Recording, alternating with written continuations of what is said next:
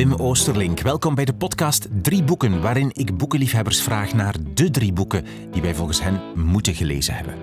Begijn Lebleu is mijn gast in deze aflevering, geboren in 1971 en bekend van optredens als comedian. Bekend ook van de reeks Foute Vrienden op televisie. Hij is vogelliefhebber, heeft een eigen podcast, Tweet Tweet, en een boek over vogels met dezelfde naam. Hij heeft zich ook even op de koers toegelegd met optredens en ook een boek. In de tuin, achter zijn huis in Sint-Niklaas, zitten enkele kippen. Er staan bomen met vogelhuisjes in. En achteraan staat er nog een huis. Zijn kluizenaarskot, zo noemt hij het zelf. En daar hadden we afgesproken. Ik zag een plaat met zo van die vlinders, opgeprikte vlinders. Mini-wielrennertjes op de vensterbank, enkele kasten met boeken in, een tafel en een computer. Ons gesprek gaat over vogels, uiteraard. Over Noorse goden die dwaze dingen doen. Over hoe het is om comedian te zijn. Waarom hij er nu even mee wil stoppen. En hoe hij op een bepaald moment het gevoel had dat hij het aan het verknoeien was op het podium. En over het compleet verrassende boek dat hem inspireert of inspireerde voor zijn optredens. Alle info, alle details over de drie boeken en de andere boeken en auteurs die we noemen in deze aflevering vind je op de website wimoosterlink.be onder het kopje podcast drie boeken. En dan nu veel luisterplezier met de drie boeken die je moet gelezen hebben, volgens Begijn Lebleu. Ja, dit is mijn, mijn ik noem dat creatieve ruimte. Uh, dit is een huisje, alhoewel, voor sommigen is dit wel al een huis, ja. dat eigenlijk het, het allereerste huisje was dat hier op dit stukje grond is gezet. Want dit was het huisje van de grootouders van het meisje waarvan dat wij het huis hebben gekocht. En uh, ja, dit was eigenlijk een beetje bouwvallig toen we het kochten. Uh, de muur was ook uitgeslagen, want dit waren eigenlijk twee ruimtes. Dat was gehuurd door een pool die aan textiel uh, verslingerd was. En hier zijn opslagruimte had gemaakt.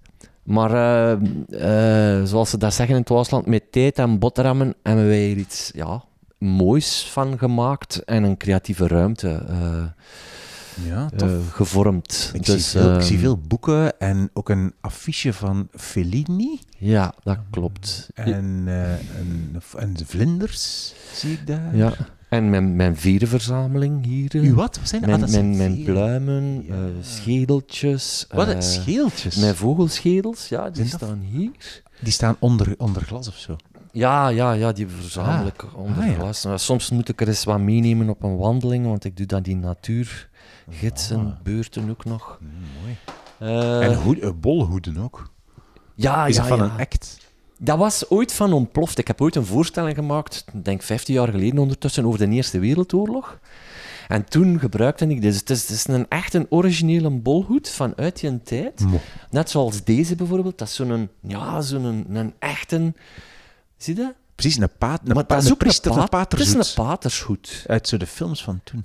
Ja, want ik heb zo nog een soutan en die soutan hangt hier. Het is een originele soutan en weet u dat ik daarachter gekomen ben? Mijn schoonvader Zaliger, die heeft lang gewerkt bij de broeders en uh, psychiatrie. En daar hadden ze een zolder en ze ging daar alles wegdoen. En die zei tegen mij, wil je eens komen kijken? En ik zeg ja. En dat was, dit is echt zo'n originele soutan. Schoon, hè? Ja, super schoon. Dat is magnifiek, hè? Allee, maar, en ik kwam hier dus binnen en ik zie dat, ja, met die soutan en, en die hoeden en die, en die vlinder, alles. En dan is hier een tafel, daarop staat een computer en die tafel ligt vol met boeken. Ja, ik denk, ik heb het al een paar keer gehoord in uw podcast. Het is gewoon, ja, SM, hè. het is sadomasochisme. Hè. Drie boeken, drie boeken kiezen gewoon. Maar, oh. maar is dat, en dit is uw voorbereiding of wat? Dit, dit is een beetje voorbereiding. Allee. Ja, om, omdat ik, ik heb een beetje een web, een netwerk van boeken gemaakt. Ja, is niet erg dat ik mijn, mijn op opname ding dat die hier op, op de boek ligt? Oh nee, nee, nee, nee zo okay. maniacaal ben ik niet. Okay. Ik zet mijn hoeden op het potje met braakballen nu. Zie, het is een braakbal. Hebt ook een potje met braakballen. ja. Van uilen en roofvogels. Ja, maar maar dit, dit is mijn voorbereiding die ik uh, naar aanleiding van uw bezoek ja. Uh, ja, heb uh, gemaakt. Ja, eigenlijk dus zo allemaal boeken verspreid over de tafel en soms twee op elkaar. Ja, dat klopt, omdat ik geen ruimte genoeg had. Oké. Okay. Um, ja, okay. Hoe gaan we dat doen hier? Ik, ik wil eigenlijk gewoon vertrekken eh, bij mijn eerste boek. Ja. En dan gaan we, Gaan we door. gewoon automatisch door. Verwijs ik wel naar andere boeken die ik gekozen Ja, heb. dat is goed. Oké, we beginnen dan bij, bij... Wat is uw eerste boek? Wel, mijn eerste boek, Wim, is het boek De Koekoek van Nick Davies. Dat is dit boek. Dat is dit boek, Ja. alsjeblieft. Dit is een Nederlandse vertaling. Oké. Ehm, ja, ja, ik, ik eh, wilde eigenlijk De Slechtvalk kiezen van J.A. Baker, deze. Ja. Maar ik heb deze ooit besproken in eh, Winteruur met Wim Helsen. Dus ik dacht, ja, ik heb die al eens gehad, dus moet ik toch wel eens iets origineler uit de hoek komen. Maar ik heb hem er toch bij genomen. Waarom? Omdat ik vind dat... ehm, de Koekoek is een fantastisch verhaal. Ik ben zelf verhalenverteller en eh, dus ben ik ook op zoek daarnaar. Maar het is eh, een, een wetenschappelijk boek. En dat is heel leuk, die combinatie tussen wetenschap en een verhaal daar rond. Ehm, het is eigenlijk ja, een, een boek waarin dat je te weten komt hoe dat alles in elkaar zit, hoe dat alles in de natuur verbonden is met elkaar en hoe dat die toch eh, aan te wedijveren zijn, ook weer met elkaar, om zichzelf in stand te houden. Dat klinkt heel vaag en abstract, maar concreet wil dat zeggen, de koekoek, je kent die vogel, waarschijnlijk omwille van zijn gezang, maar misschien weet je niet dat die zijn ei legt in het nest van een andere vogel. Veel mensen weten dat wel. Maar dus die heeft, ze noemen dat gastouders. Eigenlijk, hetgeen wat hij doet, is broedparasitisme. Dus hij, pakt echt het ei van die vogel eruit en, en legt zijn eigen ei erin. Dus op zich het mechanisme om zijn ei op te houden en te plannen van nu ga ik het daarin doen, dat is op zich al een onwaarschijnlijk fenomeen. Ja, dat is echt waar. Dat, want normaal gezien een vogel die denkt van, oh ja, ik ga een uitbroeden, ik ga nu op dat nest zitten en ik zal wel zien wanneer dat, dat komt. Maar een koekoek kan dat dus plannen gewoon. Dus dat is al fantastisch. Dat heeft met lichaamstemperatuur te maken. En ehm, ja, dan legt hij dat in het nest van een vogeltje. eh, in dit geval de kleine karakiet, maar hij doet dat soms ook bij piepers, doet dat ook bij hegemus. En het maffe is dat dat ei lijkt op het ei van de gastouder. Het is weliswaar iets groter. Eh, waardoor dat ehm, de vogel in kwestie, die dat ei dan verder moet uitbroeden en dat jong moet grootbrengen, verward raakt. En niet goed weet van, eh, of er gewoon niet achter komt van, ja, dat is dat. Dus dat is op zich een fenomeen om een studie aan te wijden. Waar je van denkt van, ja, misschien ook niet een gast, want ja, dat is een uitzondering. Maar dan blijkt eigenlijk die kleine karakiet, die gastouder, niet zomaar zichzelf te laten doen.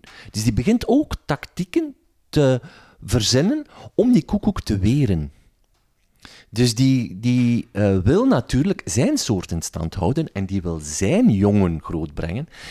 En op een gegeven moment komt hij dan daarachter van, hé, hey, maar dat is mijn ei niet. Dat is heel, heel ehm, ongenuanceerd uitgelegd.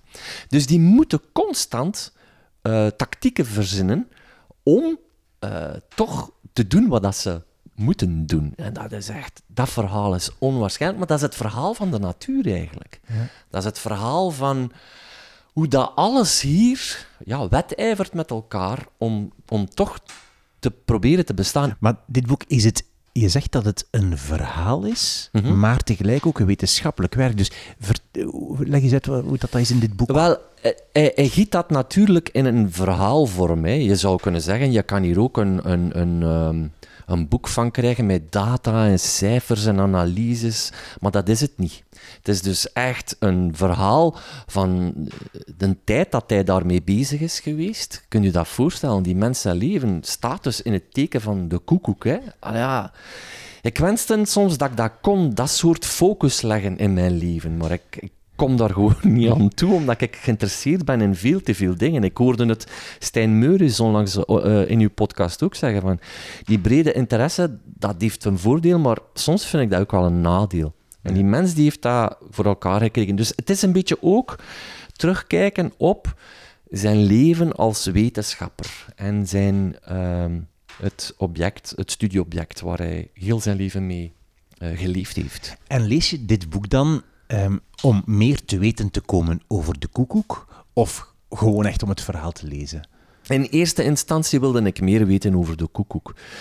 Ik had al gehoord dat het een fameus boek was. Ehm, Maar het overstijgt gewoon die koekoek. En dat is zo, zo machtig. Ik, ik, ik had misschien zelf uh, als mens ook meer willen weten over Nick Davis. En hoe dat je teleurgesteld raakt en hoe dat je um, toch verder moet doen, hoeveel tijd dat je daarin steekt, um, hoeveel natte knieën dat je hebt van in het gras te zetten bijvoorbeeld. Dat soort shit wil ik dan wel weten. En dat staat er ook in, hè? Ja, ja maar te weinig. voor mij mag, mocht het uitvoeriger zijn. Maar vandaar dat ik er toch nog Beker bij gehaald heb. De slechtvalken, ja. die andere. Omdat als, bij de koekoek is, is het wetenschappelijk, bij, bij Beker is, is de, uh, de natuurbeleving en de zingeving en het literair gegeven belangrijker dan bij Davis. Beker volgt een jaar lang de slechtvalk, op het punt dat de slechtvalk het heel slecht doet, omdat er toen nog met DDT werd gesproeid door boeren. Waardoor dat, wanneer dat roofvogels een ei legden, de schaal heel dun was en waardoor dat elk broedsel mislukte. Die slechtvalk heeft dus ook een periode gehad waarvan men dacht, ja, die gaat uitsterven. En hij zit zo wel op dat kantelpunt, alhoewel dat het heel slecht doet. Dus het was op dat moment ook wel een, een roep voor bescherming van die soort, voor het stoppen met sproeien met DDT. Maar het is zo literair, het is zo poëtisch, het, is zo, het zijn observaties. En vaak heb je bij observaties wel de neiging zo van jongens, stop er, stop er, wat wilt je bewijzen? Ja? Bij Tolkien heb ik dat, bij George Martin, die daar Game of Thrones heeft ehm, geschreven, heb ik dat ook soms twee bladzijden vol een feestmaal, wat daar allemaal op ligt, en denk van, gast, oh, ja, maar dat is uw ego, uw ego, stop daar toch mee, kom toch to, to the point. Allee, dat zeg ik dan van Tolkien en van George Martin. maar maar, maar eh, eh, um, die beschrijvingen zijn heel accuraat. Komen ook heel erg herkenbaar voort.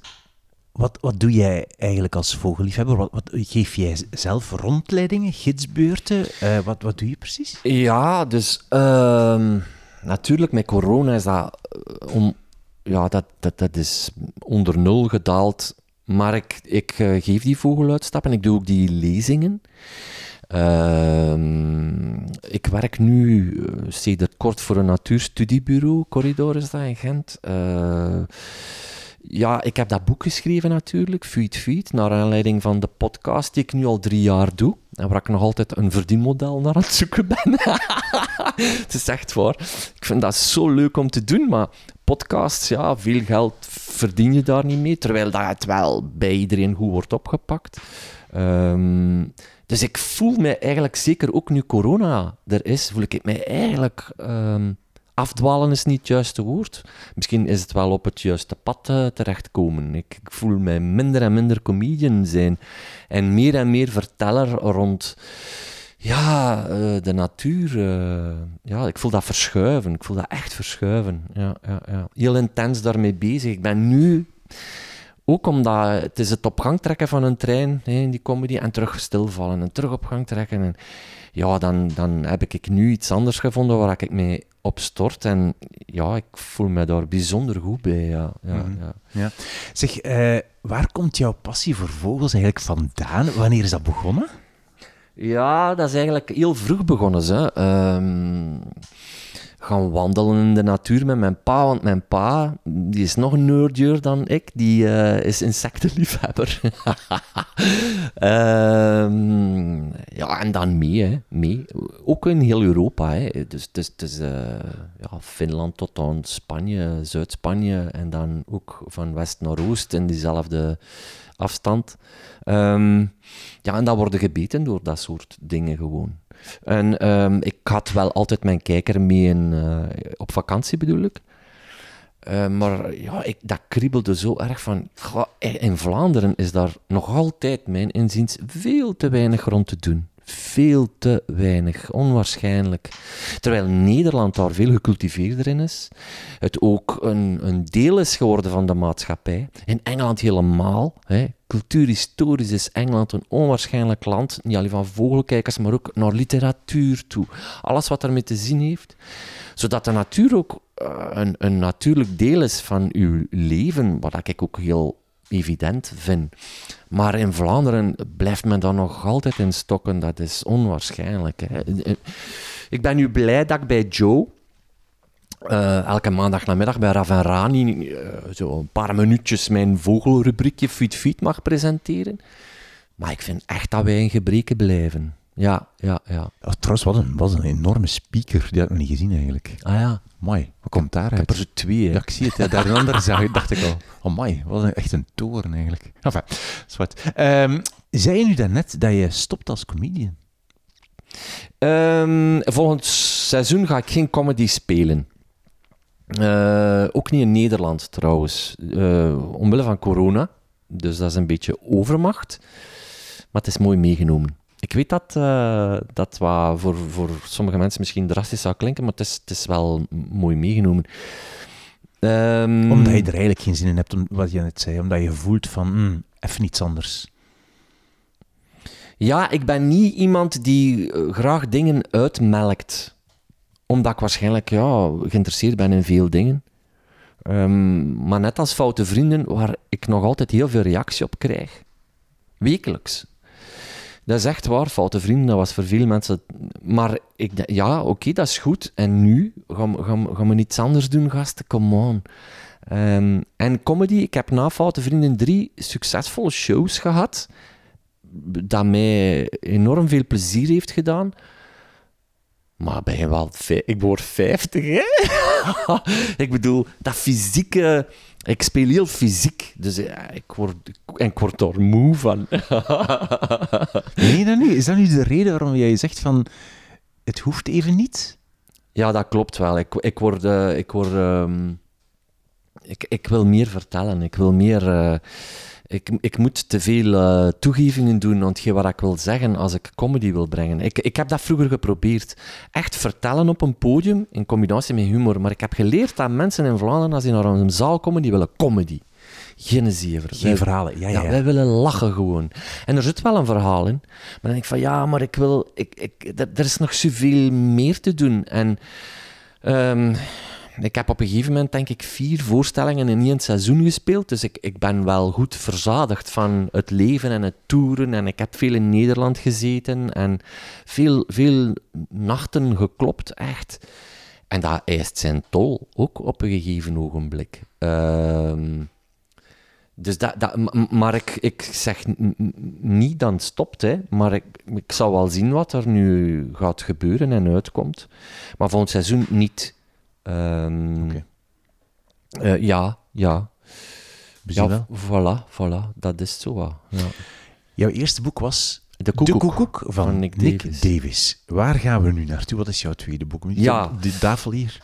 Oké.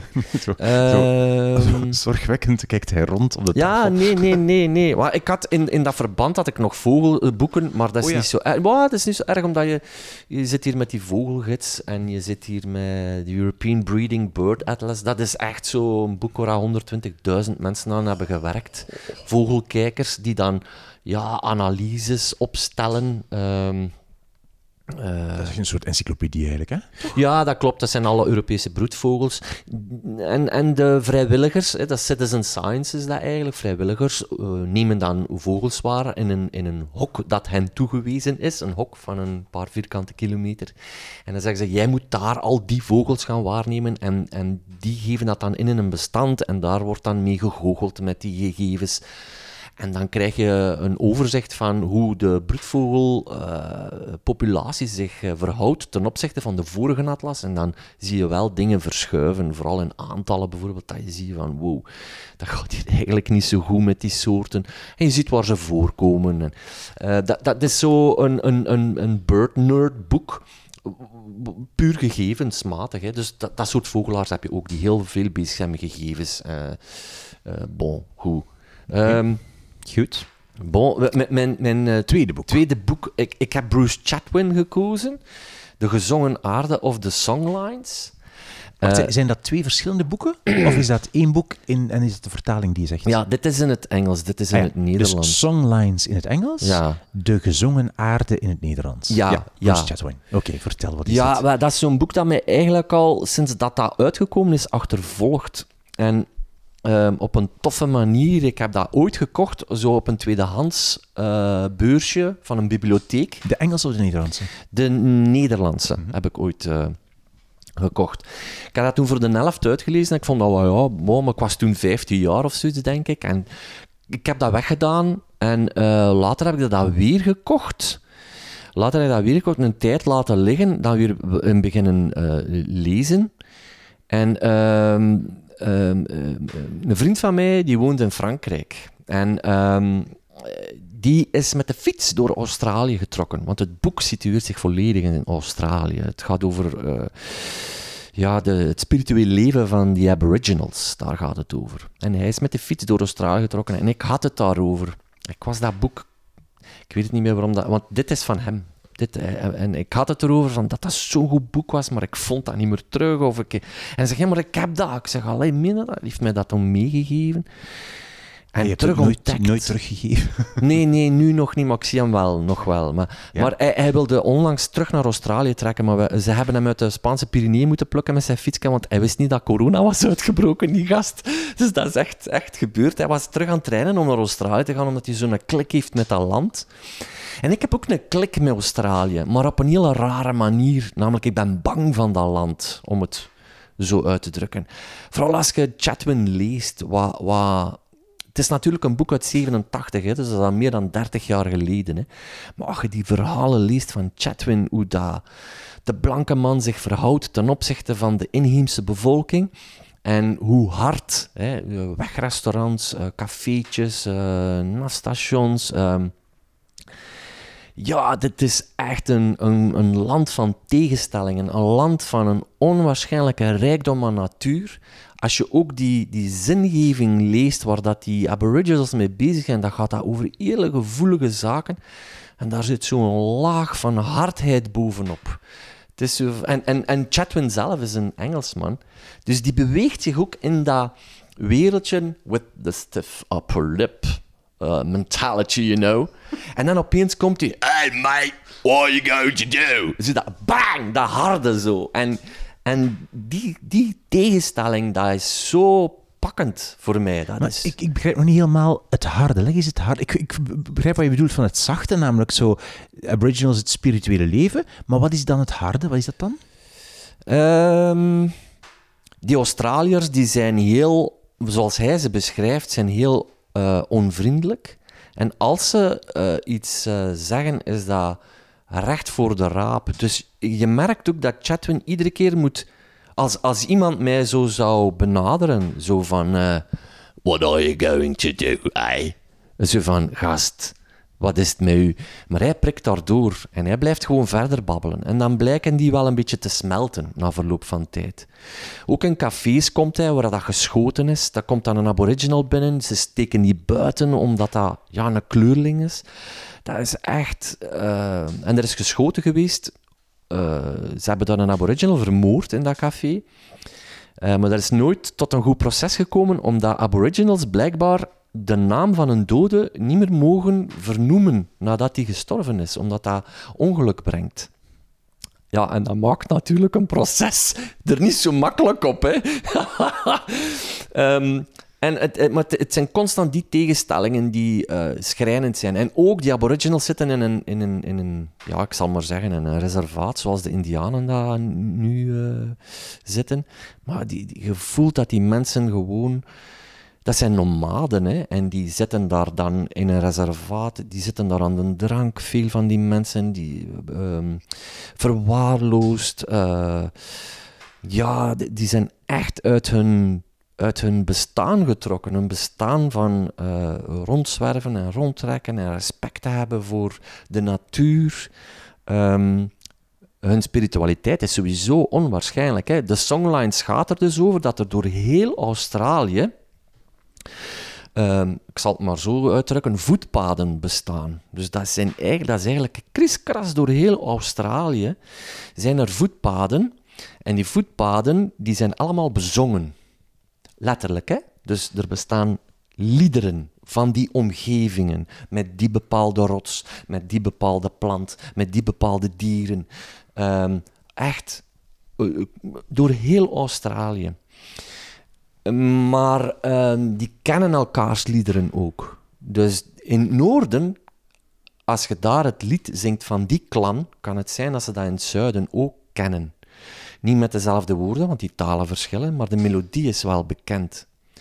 Dus je krijgt een... een hoe, hoe meer dat je het leest, hoe complexer dat wordt. Ik, kan, ik voel dat ik het ook niet goed kan uitleggen. En wil je eens vertellen wat voor boek het is? Vertelt hij een, een soort reisverhaal? Of het is geen eh, non-fictie, het is echt, of het is, het is, sorry, het is non-fictie, maar het is een soort reisverhaal. Zoiets? Het is een reisverhaal. Het is een reisverhaal, maar je voelt dat er ook een, een ja, hier zit gewoon een, een uitmuntende schrijver bezig. En dat vind ik ook weer dat is echt de, de, de, samensmelting. Als, als je nu zegt een, een, een oprechte vergelijking kunt maken, want ik moet mij bijna excuseren daar juist dat ik het mezelf wilde vergelijken met Davis en Baker. Maar Chatwin is een mooie samensmelting van Baker en, en ja, uh, Dus die van de koekoek en die van de slechtvalk. Ja, ja, ja, ja, Chatwin zelf is een, is een, een, een beroemde schrijver. Je kent hem niet, zie ik. Of wel? Nee. Chatwin is, is een Engelsman die als acht, heeft niet gestudeerd, is als 18-jarige onmiddellijk naar um, Sotheby's gegaan, uh, de grote veiling in Engeland, uh, is kunstexpert geworden, archeoloog uh, en kent daarom enorm veel van volken, maar ook heel veel van kunst. En uh, op de een of andere manier komt hij altijd terug zo in mijn leven. Onlangs las ik een vogelboek en dat was een mens en die zei van... Ik, die kwam Chatwin tegen tijdens een van zijn reizen. Hm. Um, dus ik, ik kom die ook aan. En ik ben een, een, een grote aanhanger van Moleskine-nota's, notaboekjes. Hier ligt er eentje? Ja. ja en Moleskine is zo zalig. Ik, ik, ik heb er nu drie in gebruik. Hè, maar ja, dat zijn zo Parijse notitieboekjes met een rekker aan. En met zo, zo echt zo, ja, snobistisch zo, met zo'n zo dingetje. En ik noteer daar van alles in. Ook gedichten, voilà. En... en um, uh, dingetjes die ik samenvat, zoals van de Europese broedvogelatlas, staan hier de verschillende soorten biotopen, uh, ideeën. Maar waarom zeg je dat nu? Omdat je daar iets van Chatwin in geschreven ja, hebt? Chatwin, Chatwin schreef in niks anders dan Moleskine.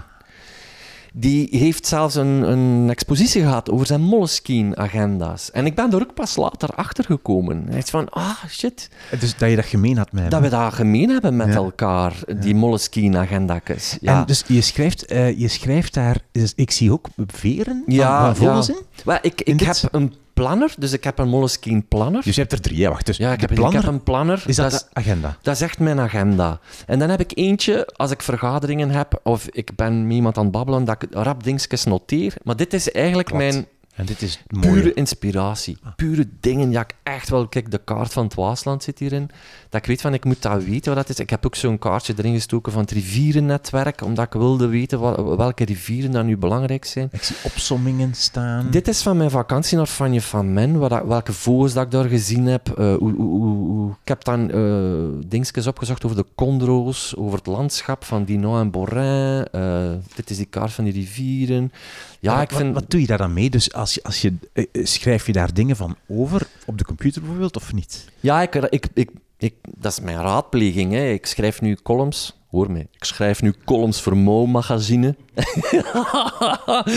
en, en, en daar put ik uit. Als ik iets niet weet of zo, en dan zoek ik dingetjes op en dan schrijf ik daarop. Ook, ook van Chatwin bijvoorbeeld, van de gezongen aarde. Ik heb hier dingen herlezen nu dat ik wist. De songlines, voilà, dan, dan wil ik weten, die spiritualiteit, hoe zit dat nu in elkaar? Ik kan het nog niet uitleggen, blijkbaar. Maar kijk, dan heb ik nog twee verwijzingen naar die boeken, dat ik weet van, daar staat wat meer uitleg over uh, de spiritualiteit van die aboriginals.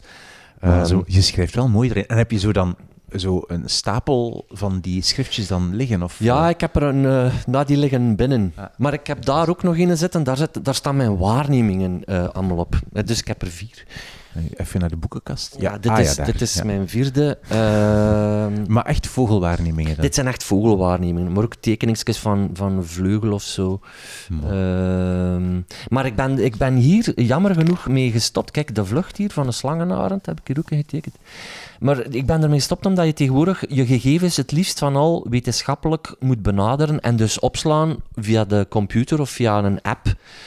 En als ik dat deed, jammer genoeg, met dit uh, boekje, ja, dan had de wetenschap daar niks aan. Of ik moest dat achteraf invoeren. Uh, ik neem het nog wel mee in het veld, als ik iets zie. Uh, maar het is echt nerdy, het is echt de, de, het uur en, en de, de, het weer van die moment. En ja, ja, wat, wat ik zie, wat ik, ja, ja, ja. Zeg, uh, je zei dat de, de, de stapel boekjes dat die binnen ligt, dus in het huis de, in het, het kot en Ja. het huis staat aan de straatkant. ja. Maar, en ik zie hier ook eh, boeken staan. Hier staan vooral vogelboeken, als ik het goed zie. En staan er ook binnen nog boeken? Vertel eens, Ja. waar staan jouw boeken? Ja, wel, d- dit is inderdaad natuur. Natuur en ehm, vogels, veel. Daarboven liggen er allemaal van natuurgebieden, omdat ik daar iets mee van plan was. Eh, Maar dat eh, gaat niet meer door. Typisch mij. Eh, daar staat een kast met tweedehands boeken en boeken uit mijn jeugd, natuurboeken. Zo heb ik onlangs zo een telefoon gekregen van iemand die zei van, zeg, kun je iets doen met vogelboeken? Ik zeg ja, en dat bleek een mens te zijn die hier in Sint-Niklaas een reisbureau had voor vogelreizen. En ik wist dat totaal niet, maar die mens die is overleden en dat werd overgepakt door iemand. En ik heb daar echt, ik, die zei van, ja, je mocht dat allemaal hebben, want ik kan er niks meer mee doen. En ik, ik, ik denk dat, ik, ik, heb, ik heb dat met een kruiwagen uit mijn auto moeten laten. Ik denk dat ik drie kruiwagens had. Drie kruiwagens. Maar ook zo, Birds of Colombia, Birds of South Africa. Echt zo van die dikke kloppers. En mijn vrouw zei tegen mij, maar gast, wat ga je daarmee doen? Ik zeg, ja, maar... En ik, ga daar, ik denk niet dat ik daar ooit al één keer in gebladerd heb. Maar dat is van mij. Er komt niemand aan. Maar, en waar staan die dan? Staan die hier dan? Die staat Die daar, ja, ja. Dus onderaan zijn echt... Ah, ja. Ehm, Ja, ja, ja. ja, maf, maffe boekjes, hè, staan En daar. staan... st- En, En binnen is fictie. ah ja. Binnen is fictie. Het huis, ja. Eh, ik lees niet zoveel fictie. Ik, ik, ik heb het gevoel als ik fictie lees, dat ik mijn tijd aan het verdoen zijn. Maar je ziet, ik, ik ben wel op zoek naar een goed verhaal en, en, en feiten. Dat vind ik echt de max. Vandaar dat hier bijvoorbeeld ook... Ja, Drouwlands en Beagle-dagboek. eh, ik, ik, ja, ik vind dat goed. Ik vind dat echt goed. Dirk heeft ooit gezegd tegen mij, het is 100 bladzijden te dik. Maar ja, ik vind dat geweldig. Dit is trouwens geen piemel, hè. dit is een stropdas. De bladwijzer. bladwijzer. Ehm, eh, dit, dit, dit boek vind ik ook fantastisch. Dit is Het Verdriet van Darwin, door een Belg geschreven, Jan de Laander. Ehm, ja, dat vind ik een fantastisch. Dat is een biografie van Darwin, maar ook zijn leer staat daar een beetje in. En ik heb eh, ehm, in het eh, middelbaar heb ik eh, biotechniek gedaan. Dus wij, wij kregen vijf uur biologie in die tijd. Maar ik was heel slecht in chemie, fysica en wiskunde, jammer genoeg. Terwijl dat, wel behoorlijke hoofdvakken zijn als je biologie wilt studeren. Maar dat is wel een beetje mijn frustratie. Ik heb dat, ik heb dat nooit kunnen studeren omwille van de malaise. Van, ik heb eigenlijk, denk ik, dyscalculie. Behalve dat ik facturen moet schrijven, dan gaat het wel goed. Maar ehm, ehm, eh, Richard Dawkins, dat is eigenlijk biologie. Dat is eigenlijk biologie. Het grootste spektakel ter wereld. Ja, dat is biologie, maar dat ook in een verhaal gegoten. Hij legt uit, want eh, op de een of andere manier is eh, Richard Dawkins, die heeft een enorme ja, haat, hekel ten opzichte van eh, religies en gelovigen. Dus die wil dat constant bewijzen, dat dat, dat, dat ja, wel degelijk bestaat en dat dat de grondslag is van ons leven, namelijk evolutie. Is ook een grote Darwinist. Maar dan krijg je mooi uitgelegd eh, met welke methode ze die onderzoeken doen en zo. En kijk, ik probeer dan ook heel... eh, Oh, je, je hebt erin geschreven in ja, ik probeer dan geleerd te doen en, en Met dat formules. samen te vatten. En ja, ja. maar ik, voor mij is dat ook een uitdaging, omdat ik ben daar zo vaak op gebuist geweest op wiskunde. En denk ik van, ja, maar ik ga dat wel verstaan. Dus ik, ik, ik nam dat boek hier nu eh, daar juist en ik haal een keer uit de leer van, hoe noemt het nu weer al? Eh de geen, de, de, met, de, met de erwten en zo. Hier, voilà, chromosomenleer. Genetica.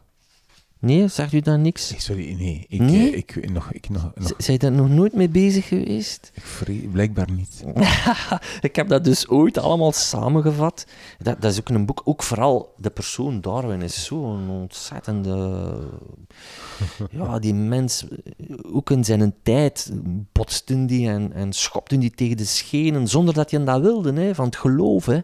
Man, die gast die heeft zo onwaarschijnlijke dingen gedaan. Die reis, jongen, met de Beagle. Dat is, dat, dat, daar kan ik met mijn kop niet bij. Die, die heeft dat gedaan. Hè. Die heeft in, in de 19e eeuw eh, ontdekkingsreizen gedaan. Met een boot. Gewoon met een boot is die naar Patagonië gegaan. die, die ellende, die miserie dat hij zich heeft op de hals gehaald om toch ja, te kunnen studeren en onderzoeken. Ehm, die had natuurlijk geld van thuis uit. Die heeft dan ook een dochter verloren, die is gestorven. Dat is toch onwaarschijnlijk, hè, dat iemand die uiteindelijk ook een zware geloofscrisis op zijn hals haalt door zijn eigen onderzoek, dan ook nog eens zijn dochter verliest. Wat een, een, een ehm, ja, ik wil zeggen, proefondervindelijk iets is dat, maar dat, kun je, dat is een drama, hè, dat is een tragedie. En toch vasthouden aan hetgeen waar hij mee bezig is. Mhm.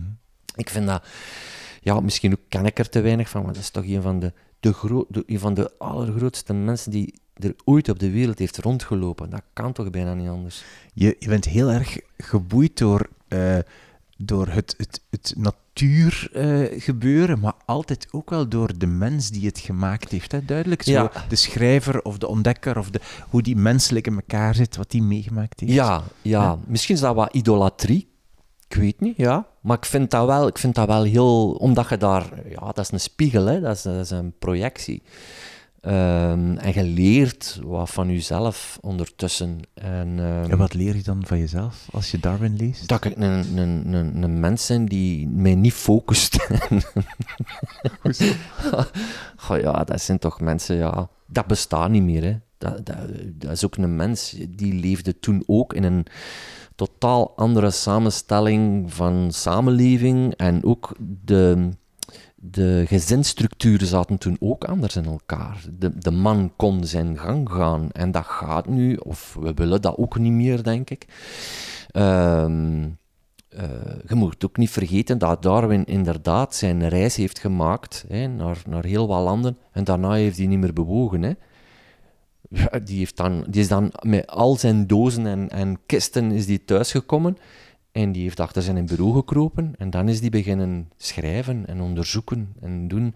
En die zijn leven op uh, andere vlakken is volledig stilgevallen. En dat zie je vaak ook bij grote geleerden, dat die zo gefocust zijn dat zij zich enkel daar maar mee bezig gaan houden, maar dat de rest van hun leven eigenlijk ja, heel bleekjes is ten opzichte van hun studie. Maar je bent toch een beetje jaloers op de focus die je hebt. Ja, omdat ik dat niet heb. Maar bedoel je dan om echt heel de tijd met hetzelfde ding bezig te zijn. Wil je dat? Ja, ja, en daar goed in worden. Maar ik, ik, ik, ik, ehm, ik krijg dat niet georganiseerd. Daarom bestaan er vrouwen.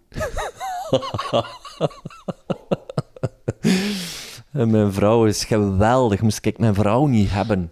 En, en eh, om focus te houden, om erbij te blijven, om en daarom dat ik, ik moet afkalven met een aantal dingen gewoon en hmm. weten van, ja, maar dan doe ik dat werk ook goed en dan ben ik daar content van. En laat u niet meeslepen door, eh, ik zit veel op sociale media, ik heb me nu voorgenomen, doe dat niet, want dat, dat, dat, dat brengt niks op. Hmm. Zorg dat je voor je gezin daar staat en zorg dat je je werk goed doet.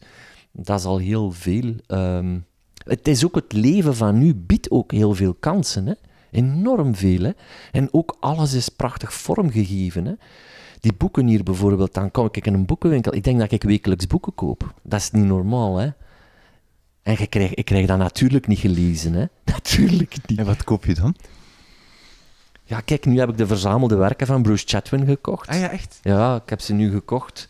Um, ik heb een boek gekocht in het Engels over animisme, omdat dat mij bijzonder boeit. Um, maar ja, ik heb er nog 122 liggen die, die nog niet gelezen zijn. Hè. En ja, dat is, een, dat is een beetje een drama, dat is een luxe probleem. Dat is gewoon ons luxe probleem. Mhm. En um, iets wat ik nu geleerd heb, is dat ik... Uh, um, ik heb audioboeken ook. En ik uh, combineer dat. Dus... Um, uh -huh. klinkt. Nee, nee, slim. Wat ik doe is... Ik heb Engels gestudeerd, hè, dus, dus mijn Engels, ça va. Um, en ik pak de gezongen aarde erbij. Van uh, Bruce Chatwin, Van Bruce Chatwin. En ik heb het audioboek van Chatwin in het Engels. Dus ik luisterde en ik volgde, ik luister naar de hoofdstukken in het Engels en ik volg in het Nederlands mee met een boek. En dat klinkt raar, maar achter een paar minuten lukt dat. Waardoor... Dus je zit, als je hier zit te lezen, ja. dan door de enorme speaker Klinkt ja, dan- altijd, altijd mijn Ah ja, koptelefoon. Altijd dan- mijn koptelefoon. Ja. Klinkt dan dus in het Engels en dan lees je mee zo. Amai. Ja, in het Nederlands. Ja, om, om, en dat helpt mij A, om erbij te blijven. En dat, het zijn altijd afgebakende stukken. Dus je hebt altijd een hoofdstuk, nog een hoofdstuk. En dat duurt altijd 15 minuten, zoiets. Maar dan weet je van, oké, ik, ik, ik maak progressie. Ik ben iets aan het lezen. En ik begrijp het ook. En ik ben mijn Engels... Ja, ik weet dat veel in één keer is, maar dat helpt mij echt. En zo heb ik er... eh, ik heb de uitvinder van de natuur heb ik zo staan. Ik heb die nog niet volledig uitgelezen. Die heb ik staan. De slechtvalk heb ik ook. Alexander van Humboldt, de uitvinder van de natuur. Ja, de slechtvalk, ja. Ja. Waar we het al over hadden. En de slechtvalk heb ik ook als audioboek. Dat is voorgelezen door eh, David Attenborough. Ja. Ehm, maar ik weet niet of dat hij eigenlijk het métier heeft om te lezen. Dat weet ik niet. Want het boek dat voorgelezen is... eh, het boek van Chatwin is zo goed. En dan komt ook weer uit hoe goed dat dat geschreven is, zelfs als je het, ah, zelfs als je het luidop leest. Dat is onwaarschijnlijk hoe goed dat, dat is. Hoe goed dat die Engelse taal geschreven is. En dat is een, een, een dimensie die ik nooit had ontdekt als ik dat audioboek niet had gehad. Ehm, dat je merkt van, ja, maar die is wel bezig met poëzie van zijn taal. Als je het luidop dat is een waarach- Voor mij is dat echt een openbaring geweest. Dat ik denk van, ja... Dus ik weet niet, Attenborough is natuurlijk wel een bekende en dat zal wel een verkoopsargument zijn, maar of dat hij echt zijn métier zo beheerst als die mens bijvoorbeeld, die het in Chatwin heeft gesproken, dat weet ik niet. Ehm, Jouw tweede boek was Bruce Chatwin. de gezongen De aarde. gezongen aarde, of in het Engels De songlines. de songlines. Voilà. Chatwin is trouwens gestorven, hè? die is al dood. Hè? Die is gestorven, is zo een van de eerste slachtoffers van AIDS geweest. Ja, ja, in de jaren tachtig. Heeft dat zelf ook nooit toegegeven, maar was bijzonder tuk op jongens. Jonge jongetjes, naar het schijnt. Mhm. Enfin, goed klein feitje. Wat is jouw... Tussendoor. Wat is jouw... Klein beetje. Wat is jouw derde boek? Ah, het derde boek is ehm, een boek eh, van Kevin Crossley en Holland. Noorse mythen over Odin, Thor en Loki. Wa- wat is dat voor iets? Ja, het, het, het zijn de Noorse mythen, hè. Punt. het zijn de Noorse mythen. Ehm, maar voor mij een pluspuntje, en dat wil ik, daarom wil ik hem er zeker nog eens bij halen. Het is geïllustreerd door Jeffrey Allen Love, heet die man. Maar ik vind die illustraties... Ik vind die illustraties zo schoon, Toon zo mij nu goed. De illustraties. Ehm, ze zijn heel groot, een beetje monumentaal. Het boek is ook vrij groot, hè. Dus eh, monumentaal.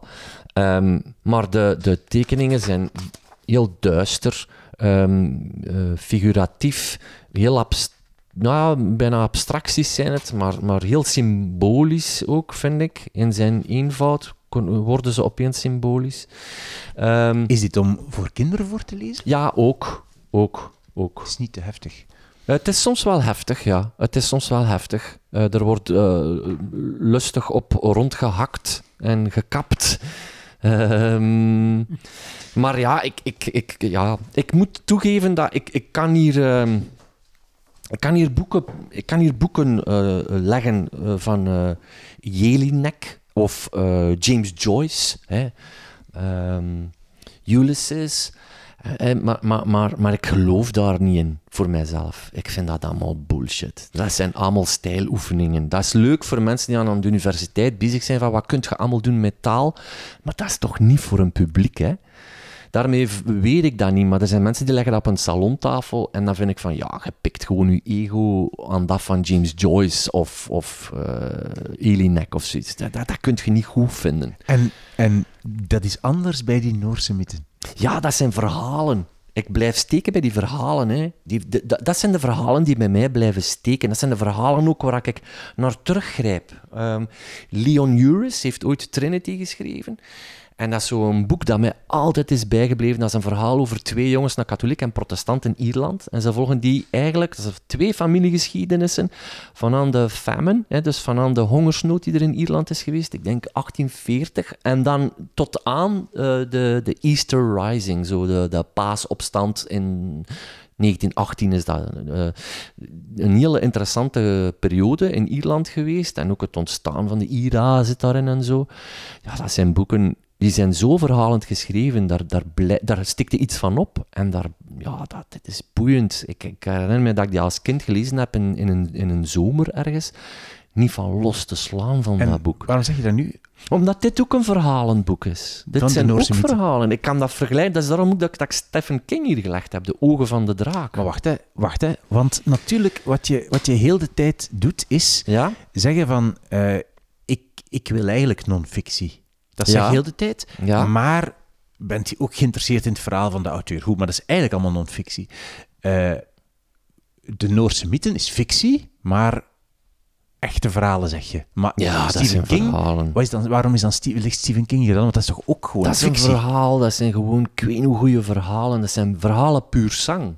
Daar gaat dat over bij mij. En um, daar zit natuurlijk een geschiedenis achter. Hè. Bij Stephen King nu niet, maar De Ogen van de Draak, die King, jong, dat is zo'n goede schrijver, dat is zo'n auteur. En hij heeft ooit een boek uitgebracht dat heet On Writing, Stephen King omdat hij dat nooit gevraagd kreeg. Hij zegt, de journalisten zijn niet geïnteresseerd in mijn, mijn literatuur, in, in hoe dat ik schrijf. Hij zegt wel bij die grote uh, schrijvers. Dan vragen ze van, maar hoe construeer je en hoe stel je dat samen? Hij zegt, maar ik ben een populaire schrijver, ik krijg die vraag niet. Zegt terwijl dat ik daar, terwijl hij daar heel sterk mee bezig is. En, en hij heeft dat dan gezegd. Dat is een zeer goed boek on writing. Ik raad iedereen dat aan om, om te lezen als je wilt schrijven. En hij schrijft meeslepend. En verhalen zijn... Maar de puur zangverhalen vind ik nog altijd de verhalen die beklijven. En die Noorse mythen doen dat ook. En ik kies die Noorse mythen omdat er natuurlijk een, een geschiedenis aan vasthangt. En ik verwijs ook weer naar die aboriginals, die ook hun eigen mythen hebben, maar niet als verhaal.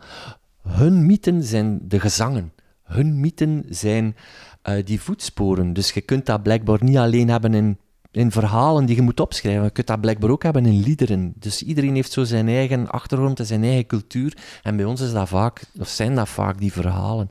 En dit is zo'n verhaal dat ooit opgeschreven is geweest door, houd u vast, Snorri Sturlinson. Snorri, Snorri is een IJslander in de 13e eeuw. Die heeft eigenlijk de verhalen, de Noorse mythen, opgeschreven ooit.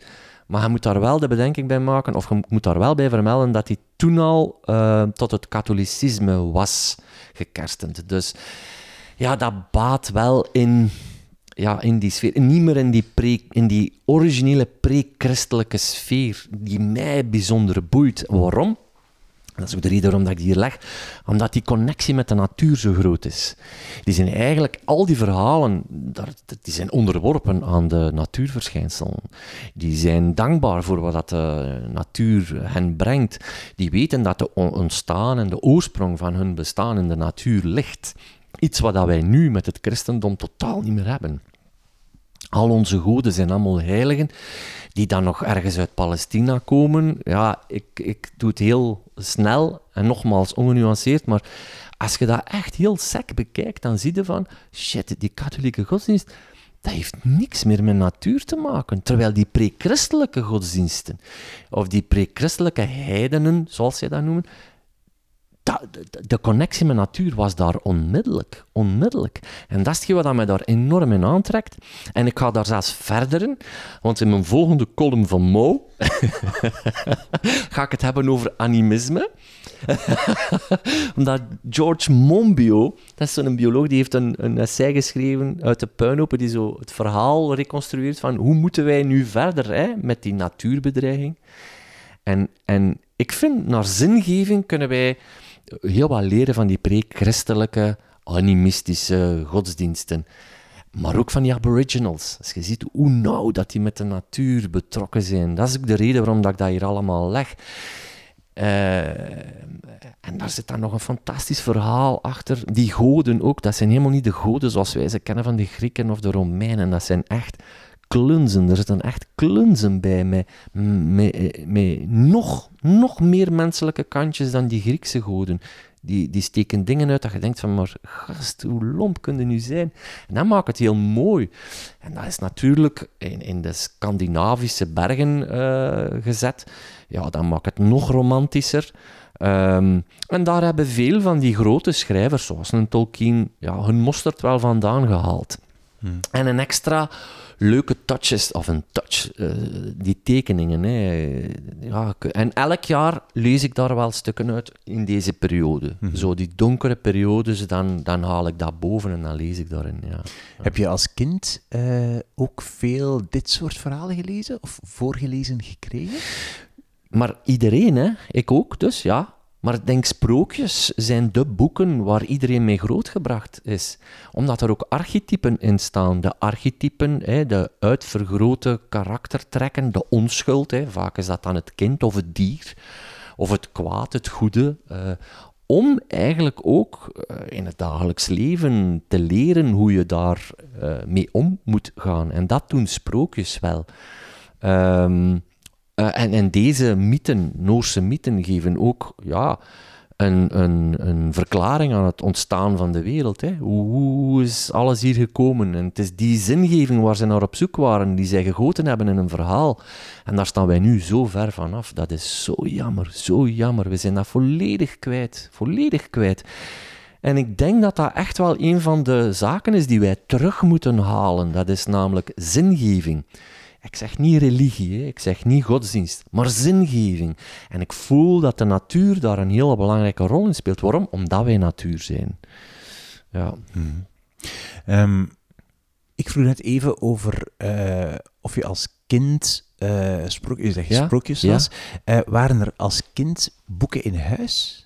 Ja, ja, ja, ja, altijd. Mijn grootvader was echt een boekenwurm. die schilderde. Hè. Dat was een kunstschilder. Dat was ook een behanger. Hè. dat was zijn beroep. Maar daarna uh, schilderde die constant. Dus die had een atelier. Uh, die schilderde uh, altijd met olieverf. Dus die geur, als ik olieverf ruik, dat is mijn grootvader. Maar die had daar echt stapels boeken liggen gewoon. Echt ook van die hele oude boeken. Dus een deel van die boeken heb ik ook wel geërfd van hem. Staan ook boven. Uh, oude boeken over Oost-Vlaanderen en zo scheepvaart, dat was hij heel tuk op. Maar zo echt van die oude heemkundige boeken, waar dat hij... Well, ja, dat vind ik max. Um, ja, daar zat dat wel heel erg in. Mijn vader ook wel. Uh, maar mijn grootvader vooral. Ja, ja, daar heb ik dat zeker, denk ik, van overgeërfd. Die liefde voor, voor boeken en literatuur. We hebben het in het begin even gehad over uh, jouw carrière als comedian. Um, gewoon even een vraag tussendoor. Zijn er eigenlijk, want het gaat over boeken, hè, zijn er eigenlijk boeken die daar invloed, waar je daar iets uitgehaald hebt voor je carrière als comedian? Zijn er boeken van, van van belang geweest? Ja, ja, ja, ja, ja, ja. Maar hij ligt hier niet, denk ik. Ik weet niet of dat hem hier ligt. Ik heb hier, dat is een sectie spiritualiteit. Hè. Mhm. Ehm, ik schaam me daar altijd wel een beetje voor. Als iemand anders komt kijken en die begint daarin te neuzen, dan denk ik van, ja, welk gedacht gaat hij nu van mij krijgen? Dus ik pik wel ergens mijn ego door vast. Hè. Maar um, iets, ik heb veel gehad aan Osho. Enorm veel. Wat, Osho? Bhagwan Shri Rajneesh. ja, Wim, Osho is ook weer zo'n figuur onwaarschijnlijk. Hè. En die heeft uh, deze boekjes geschreven. Courage, The Joy of Living Dangerously, Insights for a New Way of Living. And Intimacy and Maturity and Joy and Intelligence. En Osho schrijf je met O-S-H-O. Ja, Wie is dat? dat Osho eigenlijk wil zeggen druppel in de oceaan. Ik denk dat dat... dat maar ja, dat is ah, maar is dat, is wel de naam van de auteur, zogenaamd? Ja, ja, ja, ja dat is Osho. Maar dat is een Bhagwan, hè. Kent je de Bhagwan, Wim? Nee, maar alleen de Bhagwan. Bhagwan Sri Rajneesh. Osho, autobiografie. En dan daar staat dan een man met een witte ja, baard. Op, op Netflix bestaat er nu een reeks... Ik zou moeten zoeken hoe dat je noemt, maar dat is echt de max, Van de Bhagwan. Bhagwan is, is, is een guru, hè. Is zo een van die eerste goeroes in de jaren 70 die opkwam. En toen is er een tijd geweest dat mensen zich in het rood begonnen te kleden met zo'n houten kralenketting rondliepen. En dat waren dan de, de sanyan, uh, de zoekers. En dat is iemand die zo spiritualiteit rondstrooide. Hè? Maar het is echt zo een fouten Bhagwan zo. Want die smeet er soms zo van die foute, politiek incorrecte uitspraken tussen. Heel bewust ook.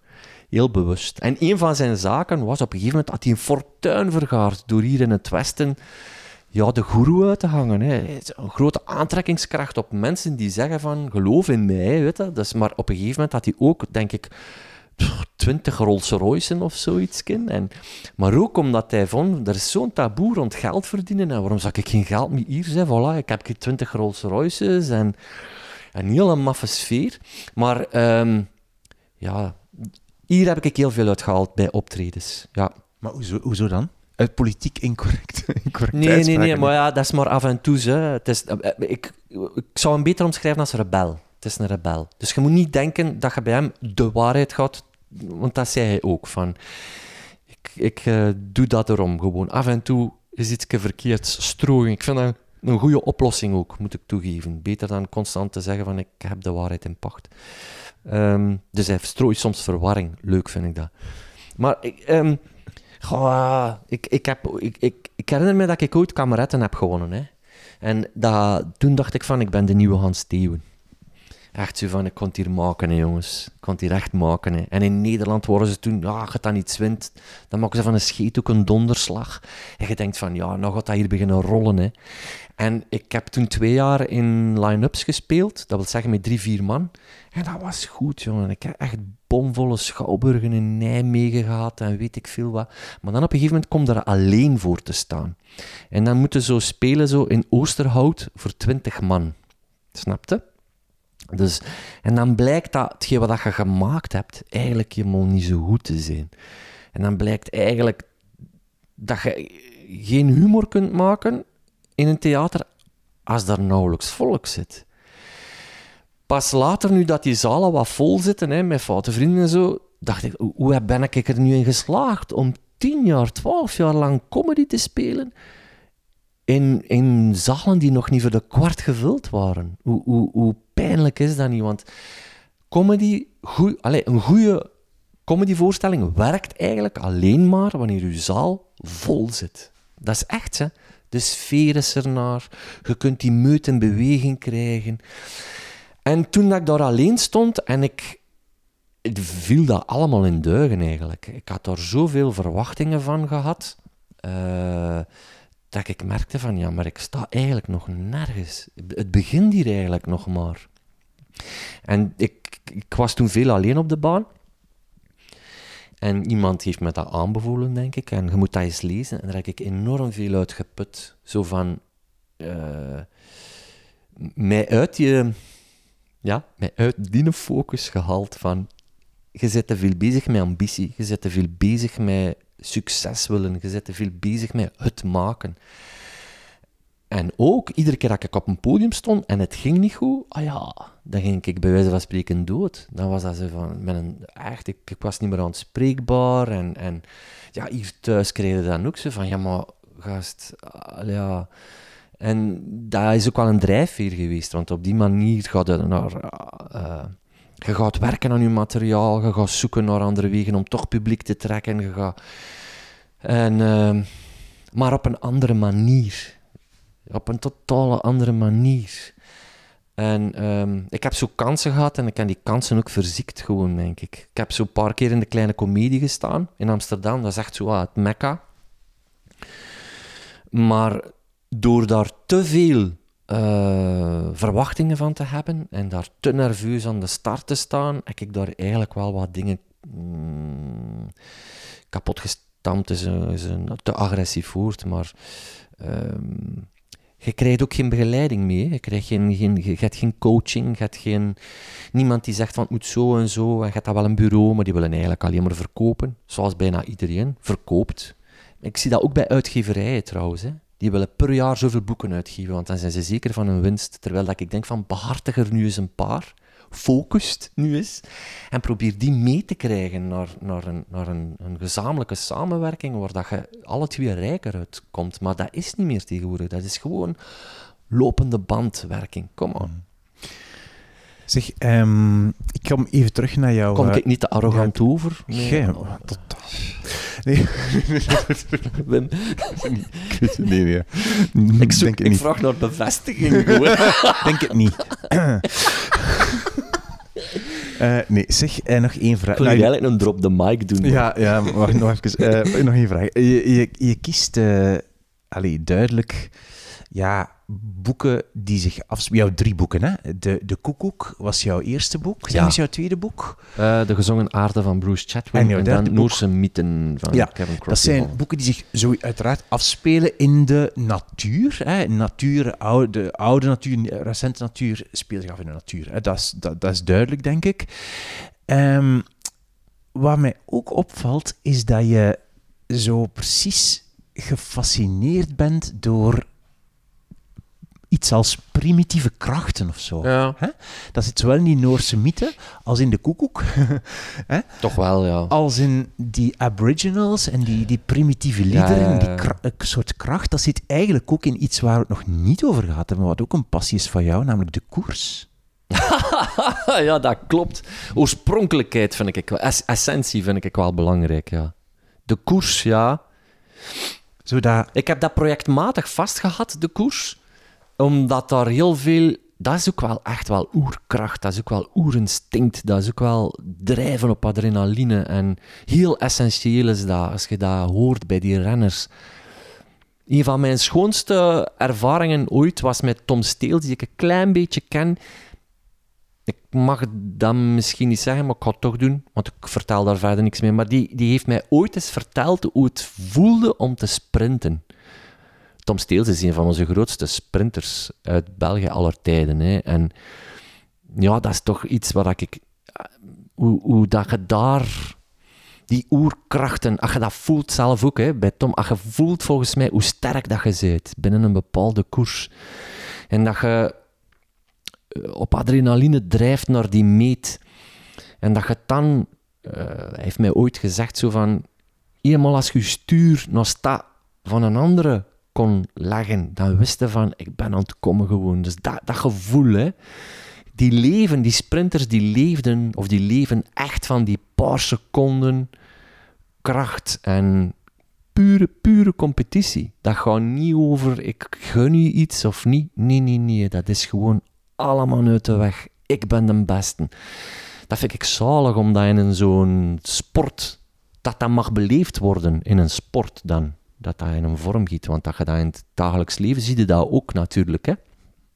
Maar daar in een sport is dat wordt dat gedoogd.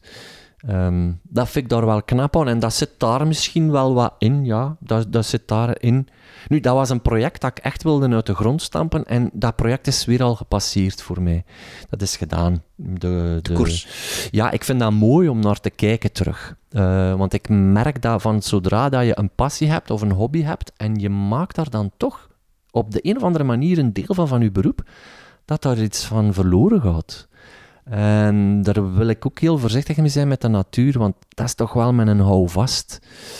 Dus ehm, ik- moet die ambitie ook weer laten varen van bijvoorbeeld, ik, ik was daar juist bezig, ik moet daar geld mee verdienen. Ik moet, ik, moet dat ook loslaten, want anders wordt dat zo, kan dat kwalijke gevolgen eh, krijgen. Dan- en met de koers is dat ook zo geweest, want ik hoor soms mensen bezig nu van, ja maar begin, Allee, je wordt dan bezig met de koers en nog niet meer. En, en ik ben nog wel bezig met de koers, maar terug op mijn eigen hobby-achtige manier. Dat ik er terug eh, ja, op een toffe manier van kan beleven. Ehm, hey, ik, ben, ik ben entertainer, hè. Ik, ik, ik, ik laat mensen graag lachen. En, eh, maar dat is ook bij mij in die zin eindig geworden. Dat ik denk van, ja, maar waar ben ik mee bezig? En wil u niet nuttiger opstellen? Ik moet hier voorzichtig zijn dat ik niet als een pastoor of als een preker overkom. Die zoet dan. Met die soutan, die, die hangt hier dan toch maar weer. Hè. Dat is zo stiekem in het weekend doe ik die aan en hou ik preken voor Ja. mezelf op die grote box door. Ik ga je heel erg bedanken voor jouw drie boeken. Ja, Veel succes. graag gedaan. Ik, ik hoop niet dat ik arrogant ben overgekomen, nogmaals. Ik hoop het ook. Ja.